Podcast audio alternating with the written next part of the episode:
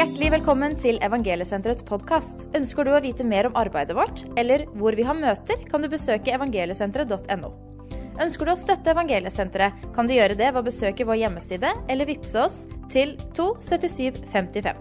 Vi trenger din hjelp for å nå ut til mange med sitt rusproblem. Tusen takk for din gave. Jeg, jeg tenkte Hva skal vi ha som overskrift? Jeg liker litt overskrifter. Det er sikkert fordi jeg er litt stor mann, så jeg liker at det skal være en liten overskrift her. Men du skal elske det neste som deg selv. Satt jeg som overskrift. Ja, men det var jo en vanskelig overskrift. Ja, men la det være litt vanskelig, da. Og jeg skal prøve å pakke det ut på en god måte, så jeg, jeg håper du er med helt til slutten. Jeg hørte en historie om eh, moder Teresa. Hun sa det, spurte henne, for hun hadde så rare, desformerte bein. Og, og, det, og han, han, som spurte henne, hadde tenkt eh, nei, hun har nok disse rare beina fordi hun har jobba med spedalske hele livet. Så de, hun har nok blitt smitta av spedalskhet på en eller annen måte. Så kanskje derfor beina hennes var så desformert. Men før han turte å spørre moder Teresa, så gikk han til en av de nærmeste medarbeiderne og spurte «Eh, er moder Teresa syk. Har hun blitt smittet av eh, spedalskhet? Hva, hva er det for noe? Nei, du skjønner, sa den ansatte til i ja, nonne eh, rundt moder Teresa. Hvert år så får vi mange tusen donasjoner av sko. Og Moder Teresa tar de beste skoa og gir bort til de trengende først. Og de dårligste, som er litt dårlige, litt slitt, litt vanskelige, de tar henne for hun vil gi det beste til de andre for at de skal ha det bra. Og I åra løp så har hennes bein blitt desformert, for hun har gått med ubehagelige sko, har gått med dårlige sko, for hun ønsker å gi det beste til den neste. Og han, Reporteren ble jo så satt ut av dette om en menneske som ga hele livet sitt for å være der for andre. Og Jeg tror det er det historien handler om, som Jesus ønsker å vise oss. Det du gjør for andre, vil du at de skal gjøre for deg selv. Jesus ønsker at vi skal ha blikket festa på han først og fremst, men også være en utstrakt hånd for dem som trenger det rundt oss. Ja, Hvordan kan vi være det, da? Eh, det står en historie i Matteus 18. Og Da er det Peter som spør han fra vers 21 her. Herre og da, da ser, jeg, vet, jeg, ser for meg Peter som er litt sånn tøffing. vet du. Liksom, han har vært litt, Vi kjenner jo historien om Peter. Liksom, han Fiskeren som var litt sånn utadvendt, han var litt sånn litt fart inn. Og så kommer han. 'Jesus, Herre, hør her. Jeg har, har en viktig sak og jeg må spørre deg om.' 'Jeg er oppe i en situasjon her nå, Jesus, og jeg bare Har du tid?' Ja, jeg, 'Du har tid til meg, vet du, Jesus.' Herre, hvor ofte skal min bror kunne synde mot meg, og jeg skal tilgi han? Så mye som sju ganger. Og da, da ser jeg for meg Peter var kjempestolt. Nå, liksom, nå tok vi her sju ganger! Det er voldsomt! Er, eh, da har jeg liksom gitt litt ekstra.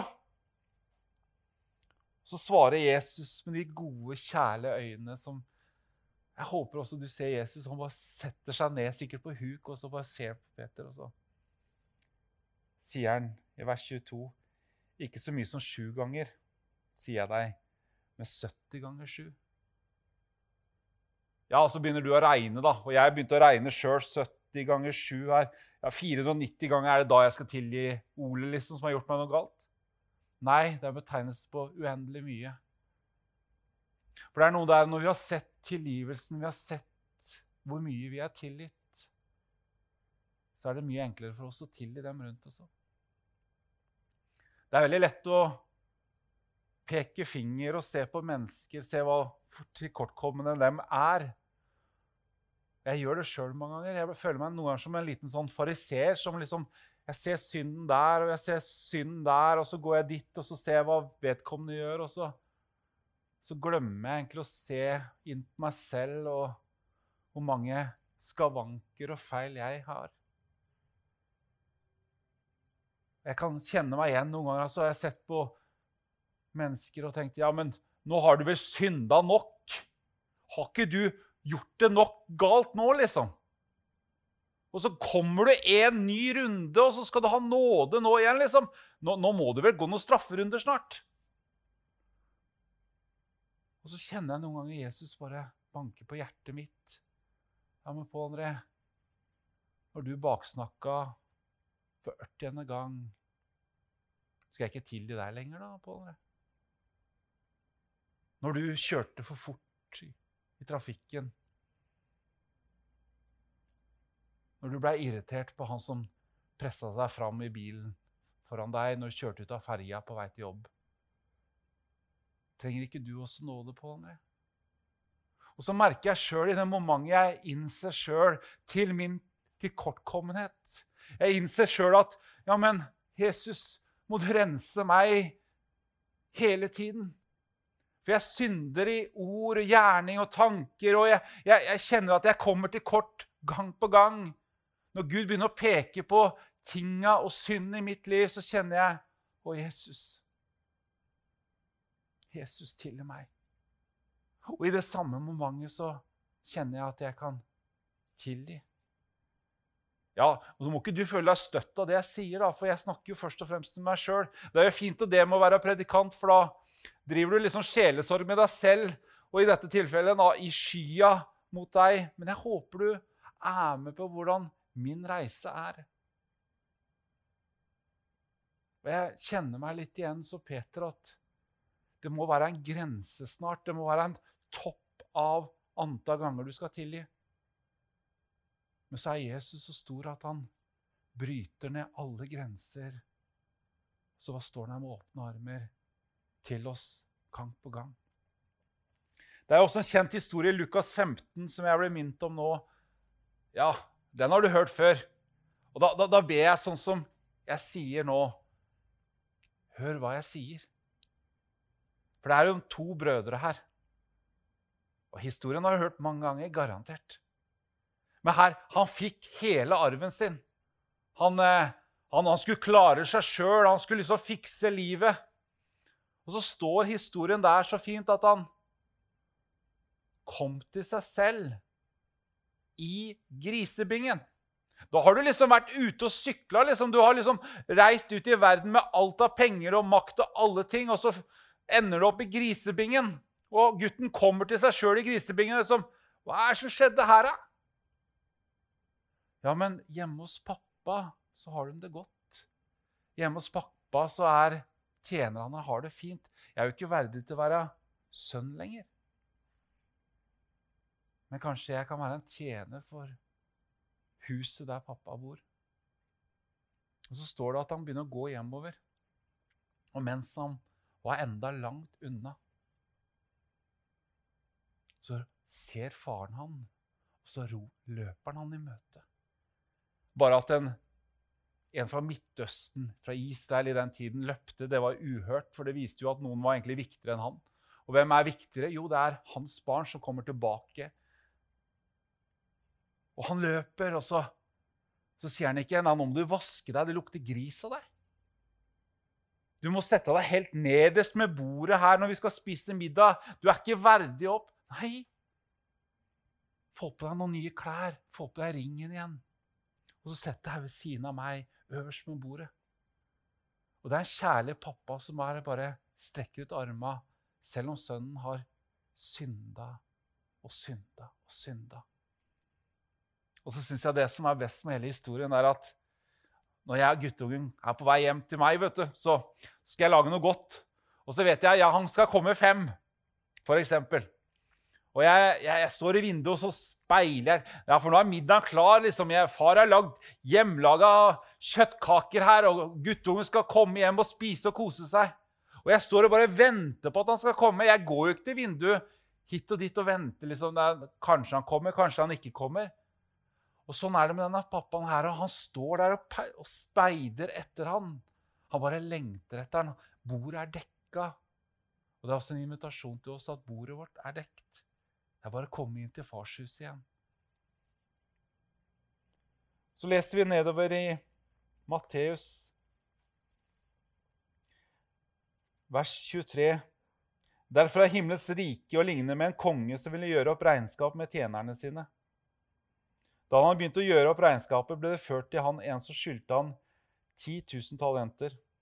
Men da han ikke hadde noe å betale med, befalte han Herre at han skulle bli solgt sammen med sin kone og barn og alt han eide, og at all gjelden skulle betales. Da falt tjeneren ned for han og sa, 'Herre, ha tålmodighet med meg, så skal jeg betale alt sammen.' Da ble tjenerens herre grepet av en dyp medlidenhet. Han slapp ham fri og etterga gjelden.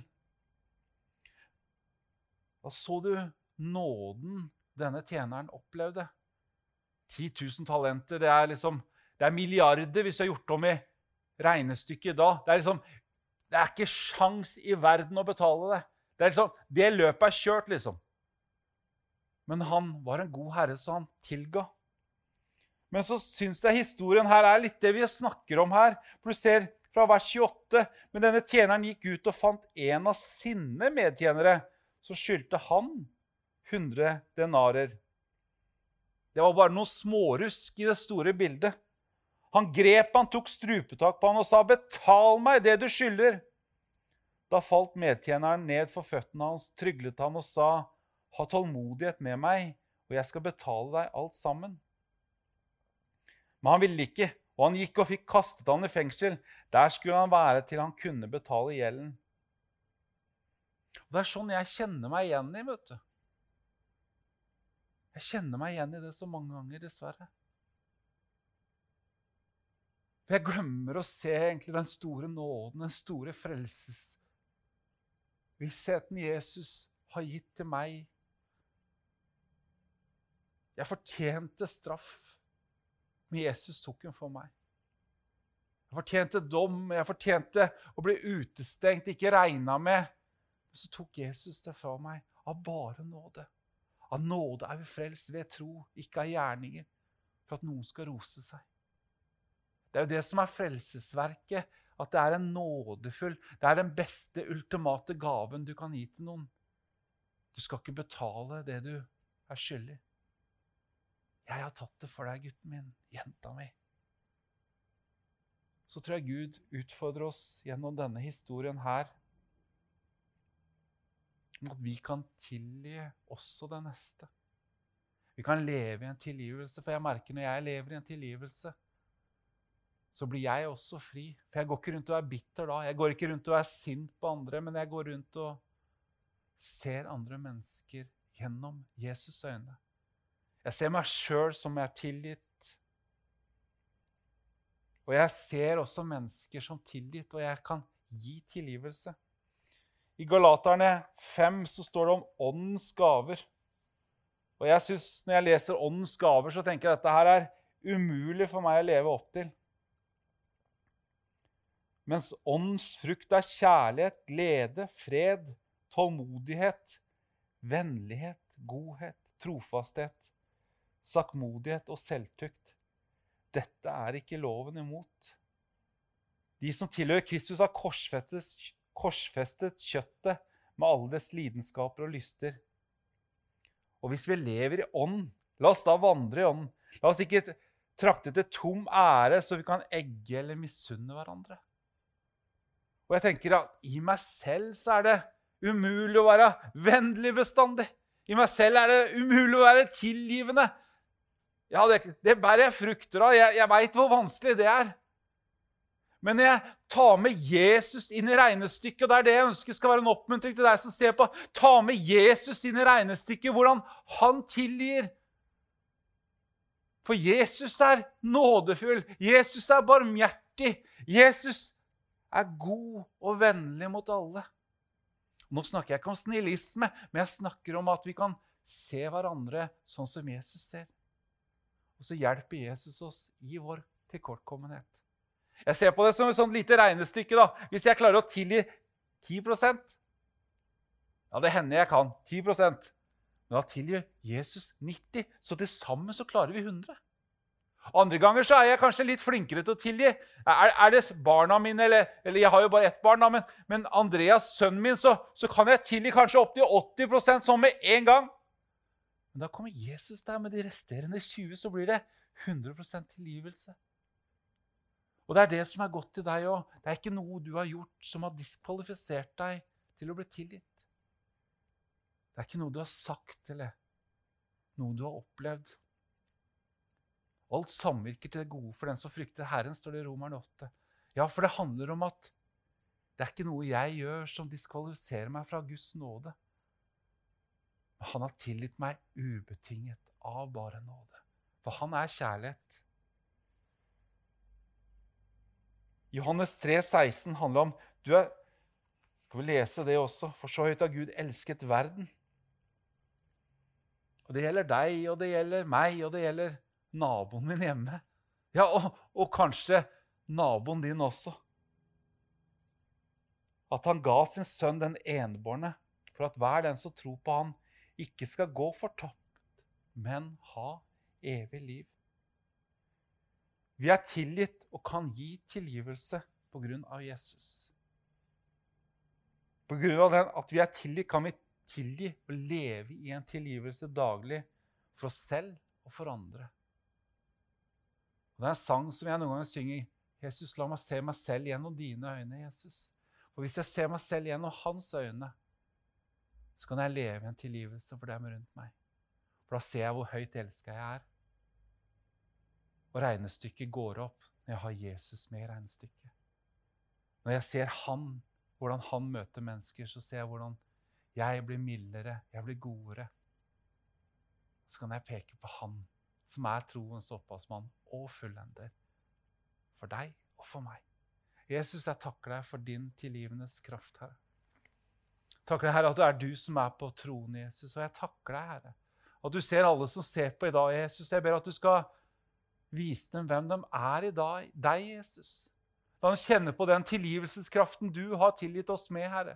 La dem kjenne, Herre, hvordan du rekte ut din hånd, Herre, når du, vi, du kunne dømme oss. Så sto du her med nådefulle armer, Herre, og bare ga oss av din nåde, av din kjærlighet, Herre.